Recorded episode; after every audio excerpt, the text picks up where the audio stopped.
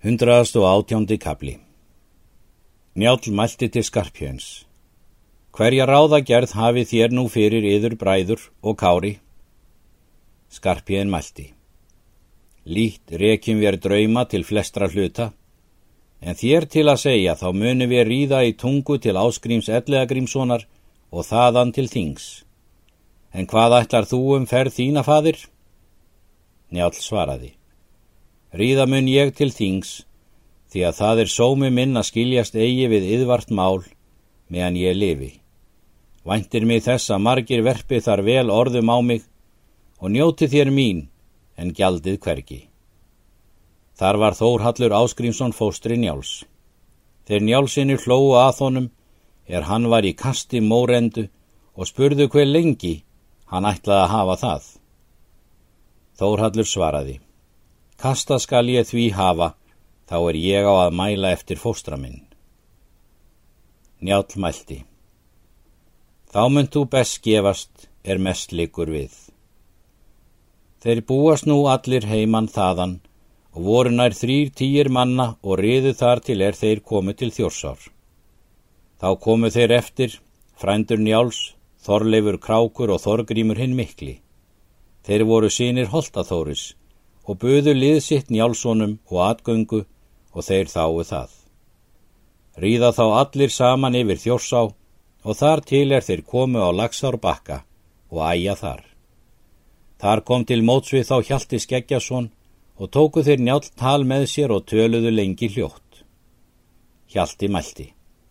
Það mun ég sína jafnan að ég er ekki myrkur í skapi. Njátt hefur beðið mig liðveslu hef ég og ígengið og heitið honum mínu liðsinni. Hefur hann áður selt mér laun og mörgum öðrum í heilræðum sínum. Hjalti segir njáli allt um ferðir flosa.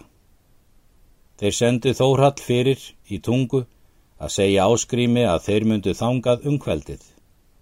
Áskrýmur bjóst þegar við og var útir njál reið í tún. Njál var í blári kápu og hafði þófa hött á höfði og taparöks í hendi. Áskrímur tók njál af hesti og bar hann inn og setti hann í hásæti. Síðan gengu þeir inn allir njálsinnir og kári. Áskrímur gekk þá út. Hjalti vildi snúa í braud og þótti þar ofmart vera. Áskrímur tók í taumana og hvað þann eigi skildi ná í brauta ríða og létt taka af hestum þeirra og fyldi hjalta inn og setti hann hjá njáli en þeir þorleifur sátu á annan bekk og menn þeirra. Áskrímur settist á stól fyrir njál og spurði. Hversu segir þér hugur um málvor? Njál svarar.